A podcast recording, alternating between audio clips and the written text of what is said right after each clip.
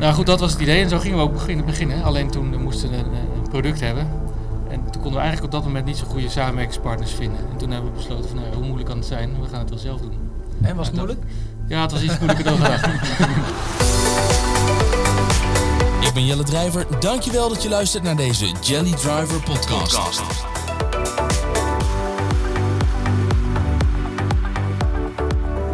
Van harte welkom eh, bij deze podcast waarbij ik in gesprek ga met uh, Arnoud Fontijn van Blue Current. Maar eerst ook even aan de andere kant van de tafel Bart Schreuders, Rabobank.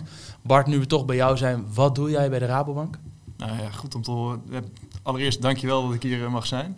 Graag gedaan. voor de uitnodiging. Ja. Uh, ik denk dat het ook goed is. Hè. We zijn natuurlijk ook verbonden aan Dutch Slash. En uh, nou, ik ben eigenlijk de, de spreekpersoon daarin. ik ben accountmanager midden-kleinbedrijf bij de lokale bank Rabobank Utrecht en omstreken. Uh, vanuit de Rabobank. Dus het is nog een uh, coöperatieve bank. Dat is even, denk ik belangrijk om te weten dat we die goed hebben. En wat, wat versta je er dan onder? Want het klinkt natuurlijk heel sexy en mooi. We zijn een coöperatieve bank, maar hè, waar, waar, blijkt dat uit? Nou ja, het blijkt uit het volgende dat wij een uh, maatschappelijk betrokken bank zijn. Wij, hoewel we een commerciële club zijn, hebben wij, het, het, het, is net wat anders bij ons. Een coöperatie zegt het eigenlijk al. we hebben geen stakeholders, of we hebben geen shareholders, maar we hebben stakeholders. En stakeholders, dat zijn onze leden, uh, onze klanten.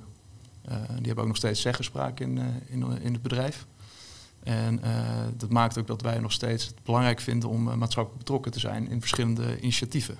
Ja, je zijn inderdaad, je bent al ook betrokken bij Dot Slash. daar zijn we natuurlijk jou en je collega's ontzettend dankbaar voor. Rabobank is een van de Dot Slash partners. Wat kan jij nou met de Rabobank betekenen voor het midden-kleinbedrijf? Nou, bedoel je het midden-kleinbedrijf of start specifiek? Ja, jij noemde net zelf midden-kleinbedrijf, dus denk ik neem dat over. Maar ik ben natuurlijk vooral benieuwd als, als het card trekken bij Dot Slash, wat je voor starters en scale Snap ik. Kijk, ik denk dat dat ook een belangrijke nuance is. Kijk, MKB is uh, vrij breed. Uh, ja, het kan echt van alles nog wat zijn. Het kan een snackbar zijn, een advocaat zijn. Uh, maar ik zit meer op de innovatieve start-ups. Dat is eigenlijk mijn, mijn niche, dus zeg maar mijn kracht. Daar focus ik mij het meest op. Vandaar ook dat ik verbonden ben aan Dot Slash. Want ik zie hier natuurlijk uh, heel veel gebeuren. Uh, en wat wij eigenlijk doen is, wij proberen, nou pre-corona was het zo dat wij elke donderdag, of ja. dan ik, lunchafspraak ging, ging houden met uh, Slashers. Ja. Het is ook een tijd lang heel goed gegaan, totdat... er kwam iets tussen, er kwam iets tussen. De, ja. de bekende pandemie kwam ja. ertussen.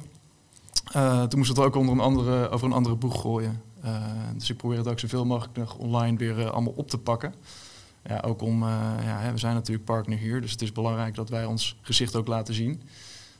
Um, en dat we niet een hele grote enge bank zijn, dat, dat we gewoon benaderbaar zijn en dat we proberen mee te denken in oplossingen. Heel goed. Nou, wat we voor jou en andere partners, maar ook andere geïnteresseerden en ook gewoon voor de mensen zoals Arnoud hebben gedaan, is op dotslash.nl slash eh, eh, members, in het menu kopje members, alle bedrijven in Dotslash uh, in kaart gebracht. Met ook gewoon de contactgevers erbij. Je kan daar zeggen, ik wil een kopje koffie drinken. En dan vul je je gegevens in. En dan krijgt Arnoud een, berichtje van, in dit voorbeeld Bart van de Raadbank. Met ik wil wel een kop koffie met jou drinken. Om dat nog meer te stimuleren. Maar mochten er nou Dotslashers zijn waarvan jij zegt, nou daar kom ik nog niet meer in contact. Of ik ben benieuwd wat zij doen. Let me know, dan breng ik je daar ook graag mee uh, in contact. Nou, je had het al over Super. innovatieve start-ups en scale-ups. Nou, daar hebben we er een van aan tafel zitten. Uh, Blue Current, Arnoud. Uh, ja. ook welkom. Vertel even, wat is Blue Current? Ja, Blue Current, wij maken ja, laadoplossingen voor, uh, voor elektrische auto's. We, we, leveren eigenlijk een brede dienst erin. Dus wij, uh, als iemand een, een auto wil opladen, dan zorgen wij dat dat, dat het gaat gebeuren. Ja, we hebben uiteraard ook hier bij Dot Slash laadpalen staan. Die zijn vanzelfsprekend ook door jullie aangelegd en worden door jullie gemanaged. Ja. er zit een, een, een stukje slimme technologie ook achter, wat niet elke standaard laadpaal heeft. Ja, klopt. Ja. Ja, hier bij de Slash hebben ze eigenlijk gevraagd van oké, hoe kunnen we nou zorgen dat zoveel mogelijk mensen gebruik kunnen maken van dat laadpunt. Of van die laadpunten die er zijn. En uh, wat je vaak als probleem ziet bij laadpunt is dat mensen de auto eraan zetten. En dan ja, vervolgens, vooraan. Top. En vervolgens uh, de hele dag, dag om laten staan. En ja, dan, dat betekent dat de volgende die komt, die graag zijn auto wil opladen. En als die vier bezette laadpunten ziet, dan kan die niet terecht. Dus wij hebben daarvoor een portal ontwikkeld waarbij ja, je kan aanmelden. En als, je dan, als dan je auto vol is, dan krijg je een berichtje met het verzoek of je je auto wil weghalen, zodat de volgende eigenlijk uh, zijn auto neer kan zetten. Eigenlijk een soort fair use laden is het. Ja, en dat ook om een beetje sociaal uh, ruimte te maken voor de volgende die ook graag wil, uh, wil laden. Hoe, hoe, maar hoe weet je nou wie er staat en, en, en dat hij er nog staat? Ja, daarvoor moet je je eenmalig aanmelden. Dus je moet je eenmalig aanmelden. Daarmee weten we, oké, iemand, iedereen identificeert zich met een pasje. Hè, van, eh, en eh, met die eenmalige aanmelding koppelen we dat pasje aan, aan- aan, de, aan het e-mailadres eigenlijk. Hè. Dus als, als, eh, als dat pasje zich dan, eh, als de auto van dat pasje vol is, dan weten wij naar welk e-mailadres er even een mailtje naartoe moet of die zijn auto weg wil, eh, wil halen. Ja. Jullie zijn eh, eh, hoe lang nu eh, in business met Blue Current?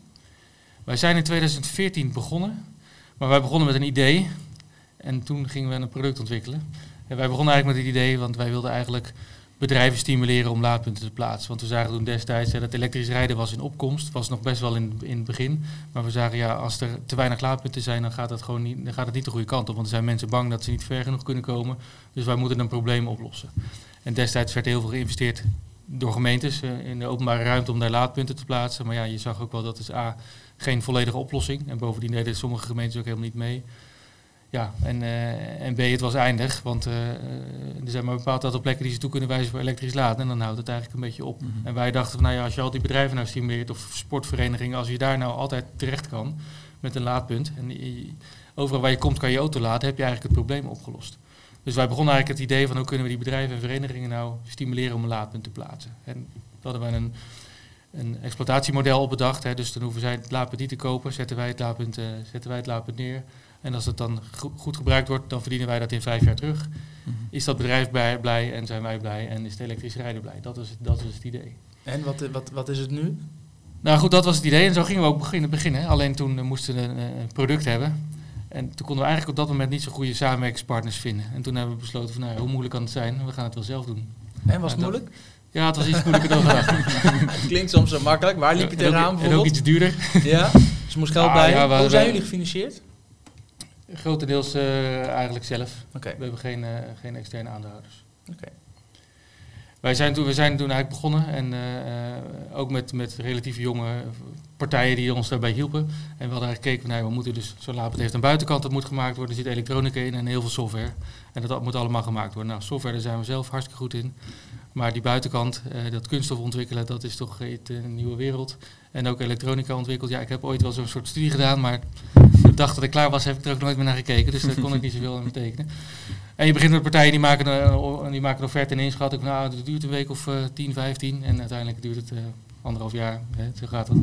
Maar goed, wel eh, eh, dingen geleerd. In de eerste versie product ontwikkeld. Eigenlijk toen is gekeken van, nou ja, joh, dit is eigenlijk, we zitten eigenlijk toch niet op de goede weg. Hup, Mhm. van tafel en we gaan overnieuw beginnen. En uiteindelijk heb je dan twee jaar later heb je een, eh, een product eh, helemaal gecertificeerd eh, met CE-keuringen en dergelijke, dat je het ook eh, kan leveren. Dus zo begonnen brengen. Ja. Ja, en toen konden we dat concept ook gaan, eh, dat concept wat we bedacht hadden, konden we toen ook in de, Ja. in de markt zetten. Je zei net al, het duurde veel langer dan je op voorhand had gedaan, maar het was ook veel duurder. En dan, kan voorstellen, dan heb je geld nodig. Hebben jullie, is het toeval dat jullie allebei aan tafel zitten hier? Nee, uiteindelijk hebben we, we, hebben, we hebben gebruik gemaakt van een financieringsmogelijkheid van de Rabobank, van de innovatielening. Dat was wel later in het proces. Dat is eigenlijk nu die financiering waar ik aangevraagd voor onze tweede generatie laadpunten. Eh, die heb ik nu ook bij me, kan je niet zien, maar Ja, maar als mensen thuis luisteren en denken, wat hoor ik toch af en toe voor, voor, voor een knal er doorheen. Dat is eh, Arno die met heel veel trots een prachtig mooi laadpunt op de tafel zetten. Dat klinkt heel hard door in de microfoon. De, de, de mensen die op YouTube kijken, die kunnen hem ook zien. Eh, eh, dat is hem. ja. Ja. Maar Rabobank, wat hebben jullie met de Rabobank? Ja, nou, we bankieren sowieso bij de Rabobank en we hebben hier contact met de Rabobank gehad. En we zijn altijd we zijn wel bezig geweest over, over financieringsmogelijkheden. Uiteindelijk ook om het bedrijf als geheel te laten groeien. Nou, dat is voor startende bedrijven best wel eh, lastig, hè, ook voor een bank. Hè, want iedereen komt hier vragen van, eh, bij de Rabobank, joh, heb je nog een financiering voor me? Maar er zijn wel eh, specifieke financieringen voor echt voor innovatieve projecten. En dat was dit in ons geval. Dus de Rabobank heeft een innovatielening. Ehm, nou, daar zijn we ook op gewezen hier door, ja, door, de, door de voorganger Demir. Ja. Dat het mogelijk interessant is voor ons innovatieproject. En ja, daar, daar hebben we een aanvraag voor ingediend. Hè. Wat we dan moesten doen, is we moesten een businessplan maken en, en een video waarin we dat businessplan toelichten. Ja. Eh, dat hebben we ingediend bij de Rabobank.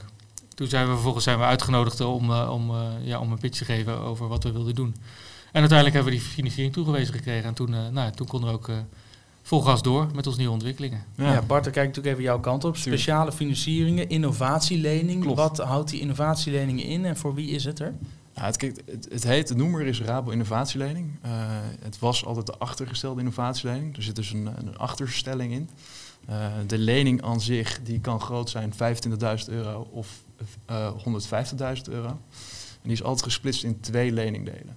De looptijd is zeven jaar. eh, en je hebt zeg maar het eerste leendeel, nou stel, laten we een voorbeeld pakken van 150.000 euro.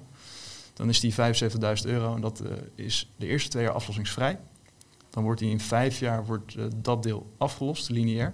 15.000 eh, op jaarbasis. En het eh, andere gedeelte van 65.000 wordt na, naar jaar 7 wordt, afgelost. Dus het is inderdaad dan wel de bedoeling dat het bedrijf waar we in hebben geïnvesteerd, dat dat inderdaad rendabel is en dat dat dan allemaal goed gaat. Dat je die 75k apart hebt liggen, TZT. Ja, dat is inderdaad wel zo iets niet, wat... dan kun je het vast herfinancieren. Maar Er zijn, er zijn dan uiteraard er zijn gewoon eh verschillende revisiemomenten, dus herzieningsmomenten. Nou, die zijn altijd om het half jaar. Dus er wordt altijd gekeken van, joh, wat, wat zijn de milestones? Eh, hoe ver zijn jullie nu? Lopen jullie eh, op de forecast? Gaat het, loop je daar ergens tegenaan? Dus er zijn ook genoeg momenten dat je dat met elkaar bespreekt. Het unieke aan deze lening is, is dat er geen zekerheden worden verwacht van, van de aandeelhouders. Dus dat Maar dat betekent deze- niet privé meetekenen? Wat niet voor zekerheden hebben we het over? Ja, klopt. Ja. Dus dat is, eh, op zich is dat dus een, eh, ja, is het eigenlijk een durfkapitaalfinanciering, maar het is dus wel onder de noemer Rabobank. Dus Ja. het is, in die zin is dat vrij uniek. Ja. En wij doen dat echt op eh, drie pijlers, eh, dat we dat hebben. Dat is eigenlijk duurzaamheid, digitalisering en vitaliteit. Dus dat is wel iets als jij als start-up in, eh, erg affiniteit daarmee hebt. Daar begint eigenlijk de aanvraag mee. En eh, nou ja, wat Arnoud eh, misschien ook al kort eh, liet vallen, is dat je best wel wat moet doen om, eh, om een aanmerking te komen voor die lening. Ja, want hij moet verschillende pitchen, stukken, hij moet stukken pitchen. indienen, pitchen. Waar letten Klopt. jullie dan op in zo'n beoordelingsproces of hij wel of niet in aanmerking komt? Nou, er zit een heel team achter. Het, het innovatiefonds van de Rabobank, dat zit centraal. Dus dat zit, dat zit zeg maar bij Rabobank Nederland ondergebracht in een team. En daar weer onderverdeeld in zeven kringen. Dus eh, als ik vraag mag, Arnoud, waar moest jij heen om te pitchen? Ja, vol- volgens mij was het Ede. Was Ede, hè? Ja. Ja, en dus uiteindelijk heeft hij de pitch daar gedaan. Eh, maar er gaat wel een traject naar vooraf, zeg maar. Als wij de stukken hebben, dan wordt er eerst een beoordeling bekeken. En dan krijg je eigenlijk al een, eh, een datum voor je pitchmoment. Maar die is pas echt zeker als, als wij geen stukken, nieuwe stukken nodig meer hebben. En dan weet je dat je inderdaad kan gaan pitchen. Waar kijk je dan in die eerste fase naar hè, om te bepalen of iemand überhaupt mag pitchen? En waar let je op tijdens de pitch? Nou, kijk, het is uiteraard verwacht je een ondernemersplan. Dus er moet gewoon goed gekeken worden naar exploitatie eh, en liquiditeit. Eh, eh, is het levensvatbaar? Wat is het verdienmodel? Wij kijken heel erg naar het business canvas model. Dus dat is Ja. een, pijler van, nou, er staat, zitten eigenlijk negen pijlers zitten erop. Ja. Er zit ook je verdienmodel in. Hoe ga je om met leveranciers? Eh, wat gaat je product precies zijn? Hoe, wie zijn Hoe de ga je distribueren enzovoort? Ja. Dus je hebt een heel erg eh, eh, ja, een grote list eigenlijk die wij gaan afvinken. En dan ligt de uiteindelijke beoordelaar, of beoordeling dus bij Rabobank Nederland, die dat dan in goede banen begeleiden. Oké, maar, maar er zullen toch een aantal hè, graadmeters zijn waar jullie naar kijken. Dus, dus ik snap dat het op basis van business model kan was, maar wat maakt nou dat je iemand wel of niet uitnodigt voor zo'n pitch uiteindelijk? Ja, dat is van nou die ja, dingen er zijn, er, zijn, bijvoorbeeld al- er zijn uiteraard ja, meerdere pijlers. We kijken inderdaad naar het management, hoe dat geregeld is. Ja, dus de mensen. Maar moet er al geld, ver, moet er al geld verdiend worden bijvoorbeeld? Hè? Je zei, Nee, Oké, nee, dat, is, dat, is, dat wel zijn, even pre- goed dat je dat terugpakt. Kijk wat, waar wij in zitten. Ik heb ook een papiertje voor me, maar dat is dan ook, eh, het is natuurlijk audio. Eh, je hebt een idee en een planfase uiteraard als start-up. En je hebt een, eh, de startfase uiteindelijk. En je kan dan een idee-planfase, dus dat je nog geen product hebt. En in de startfase ook dat het product er al wel is, maar dat niet op de markt is. Dan kan je al een aanvraag indienen. Oké. Dus het is in dat En, opzicht... dan is, het en, en dan kennen jullie hem ook wel eens toe? dan kennen we hem ook nog eh, nou, wel eens een keer Ja, toe. ja, ja, Ja. goed. Ja. Dus in dat opzicht eh, is het een, een, een product wat denk ik heel erg aanspreekt voor start-ups. Ja. Eh, sprak jullie ook aan, want jullie hebben gepitcht. Hebben jullie hem gekregen ook uiteindelijk of niet? Jazeker, ja. Oké, dat wel. Ja. Ja. nee, dat, dat, eh, dat is fijn, ja. En, eh, en wat ik het mooie vind, het fijne is sowieso natuurlijk dat je het krijgt en dat je het ook gelijk krijgt. Dan kan ik gewoon gas geven met je project. Dat is natuurlijk super. En wat ik vooral eigenlijk fijn vind ook aan het product, dat je gaandeweg, heb je, want wij hebben ook wel wat andere kleinere eh, financieringen, bijvoorbeeld crowdfunding of iets dergelijks. Daar moet je soms best nog wel, wel redelijk wat voor doen. En hier heb je gewoon, eh, hier heb je gewoon een soort eigenlijk een gesprek met de accountmanager, even om een update, een business update te geven. Maar dat kan je gewoon telefonisch, dus je hoeft niet ja, ontzettende administraties uh, voor te doen en met een bepaalde formats van alles op te leveren. Je kan gewoon in een gesprek aangeven, ook hier sta ik met mijn plan, dit hebben we gedaan, dit hebben we nog niet gedaan. En dat is gewoon heel fijn. Ja, dat klinkt ook wel coöperatief, hè? samenwerkend en meedenkend, mee ondernemend. Um, mag, ja, natuurlijk mag ik dat vragen, mag alles vragen, dat is mijn podcast. Rente, wat voor rentes moet ik aan denken? Want je moet op een gegeven moment natuurlijk aflossen, maar je zult ook rente moeten betalen. Klopt. Uh, uh, welke orde van grootte? Misschien moet ik dan aan jou vragen, dat, Bart, voordat dat, weet. Ik weet niet of jullie mij, onderhandeld nee, hebben. Kijk, nee, dat, moet je is, dat is inderdaad een vaste rente. Het is goed dat je dat uh, vraagt. Het is ook een vrij hoge rente, maar dat komt omdat er geen zekerheden tegenover staan. Het is 7,5% vast. Oké. Okay. Dus dat is eigenlijk de orde van grootte waar je aan moet denken. Welke afweging hebben jullie daarbij bij gemaakt, Arnoud? Om de, deze rente en lening te accepteren? Was het, uh, ja. Kijk, als je als start-up, ja. uh, je kan ook je bedrijf verkopen voor gedeelte, maar ja, dan, uh, dan heb je je bedrijf voor weinig verkocht en dan... nee, maar dat is alles wat je, alles wat je, alles wat je, alle, eigenlijk alles wat je een beetje fatsoenlijk kan financieren, dat financier je natuurlijk graag. En dan de 7,5 procent. Ja, dat is redelijk gebruikelijk, want het, kijk, ook crowdfunding hebben we ook crowdfunding gedaan, maar dat is niet, dat is duurder. Of, dat is ongeveer die orde van grootte, zou ik zeggen. Ja, en waarom heeft dit dan, wat jou betreft, de voordeel boven crowdfunding? Je noemde net al, het is gewoon minder rompslomp en papierwerk. Hè? Tenminste, dat begreep ik van je. Ja. Uh, en verder? Ja, het is een beetje afhankelijk van wat je doet, van wat je financiert. Kijk, als je iets financiert en, en het heeft een bepaald nut om het ook aan de crowd te laten zien en, en, en mensen erbij te betrekken, dan kan je dat doen. Als je zo'n lening hebt waar je denkt van ja, dat hoeft niet iedereen te weten, hè, dat is een nieuwe innovatie, ik ga mijn plan niet uh, op internet zetten voordat ik mijn producten uh, afmaak, dan is zo'n innovatielening natuurlijk fijn, want dan heb je alleen maar met de Rabobank te maken en niemand anders hoeft jouw plan te bekijken. Dat is ook wel een goeie. Ja. ja. Als je dit nou straks, hè, je moet het in zeven jaar aflossen, uh, zou, welke financieringsvormen hebben jullie nog meer overwogen? Of wat, welke opties heb je als start-up nog meer, los van de Rabobank?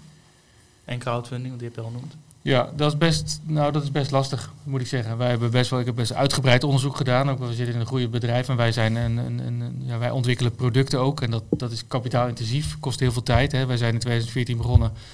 In 2017 waren we echt een beetje aan, aan, de markt op aan het gaan. Nu zijn we nog steeds aan het bouwen aan het bedrijf. Dus het is best wel kapitaalintensief.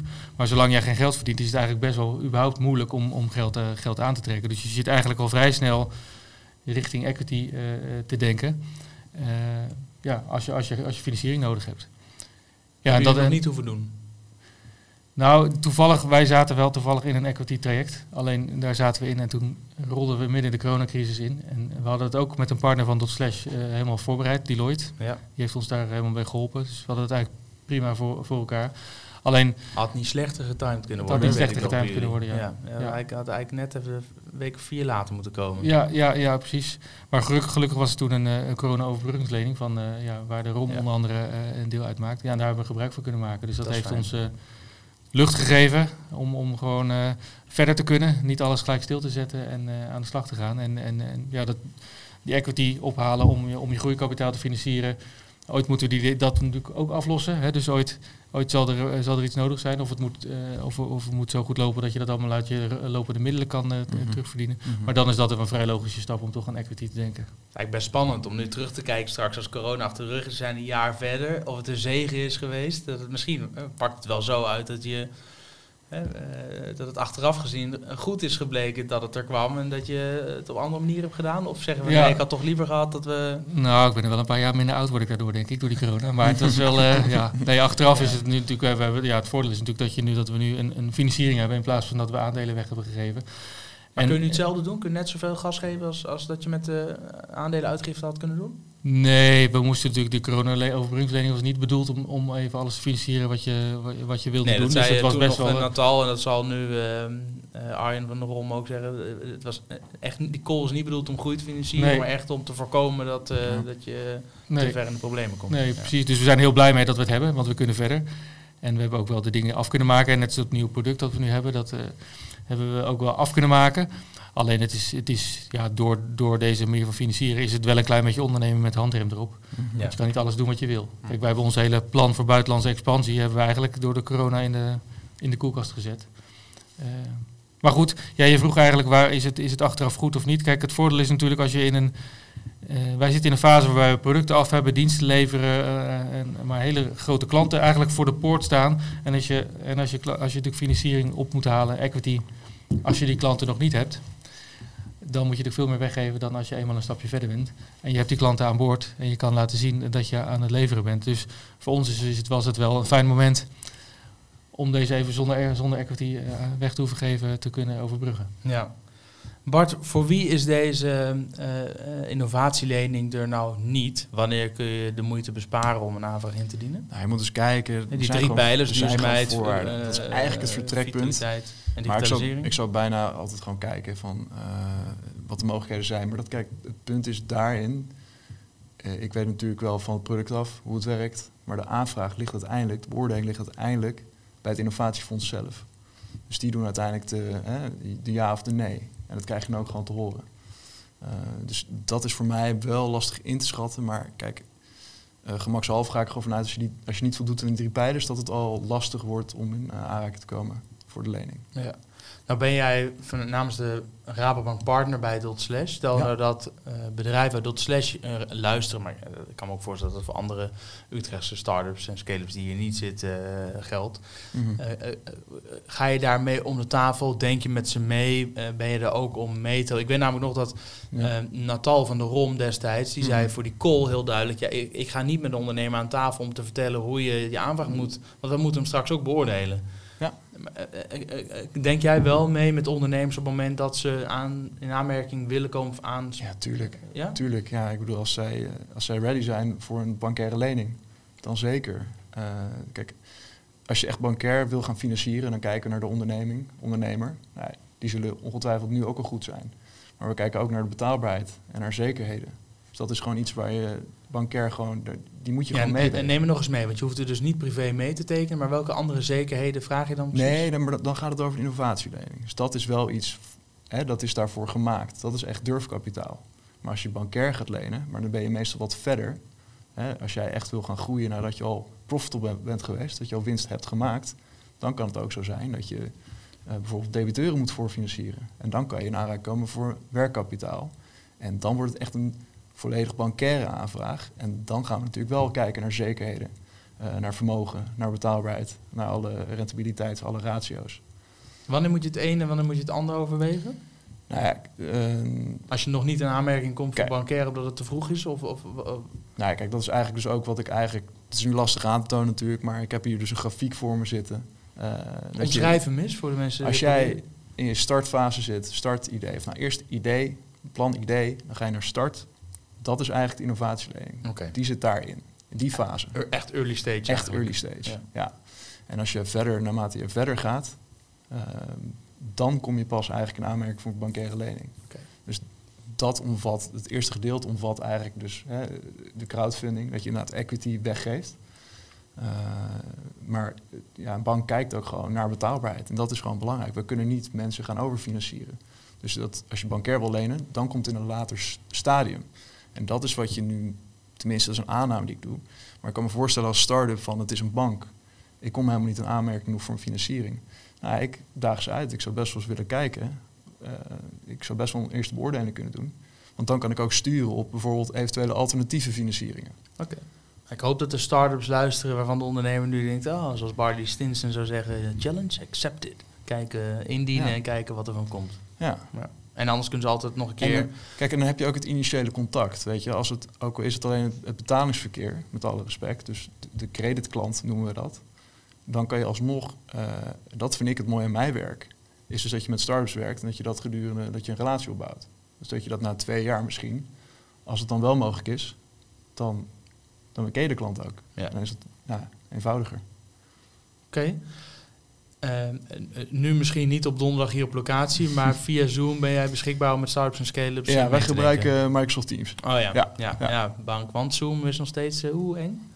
Uh, nee. Oh, nee, ja, oh, oké. Okay, is gewoon, okay. ja, ik, ik, werk natuurlijk bij een grote organisatie en, en, die hebben er eigenlijk gekozen om Microsoft Teams als kanaal te nou gebruiken. als een start-up een financiering wil of in aanmerking wil komen, dan installeren ze Teams maar, toch? Ja, ja. en we kunnen altijd nog een digitaal koffiemomentje slash lunchmomentje inplannen. Ja, heel Daar sta ik zeker voor open. Ja, en uh, desnoods op anderhalve meter afstand, uh, als het goed gaat, ja. over, vol, uh, over een week of zo, kan dat ook gewoon weer bij Dot Slash. Ik kan niet wachten. Ik mis alle reuring en de community activiteiten. Maar Zeker, ja. gelukkig hebben we podcasts.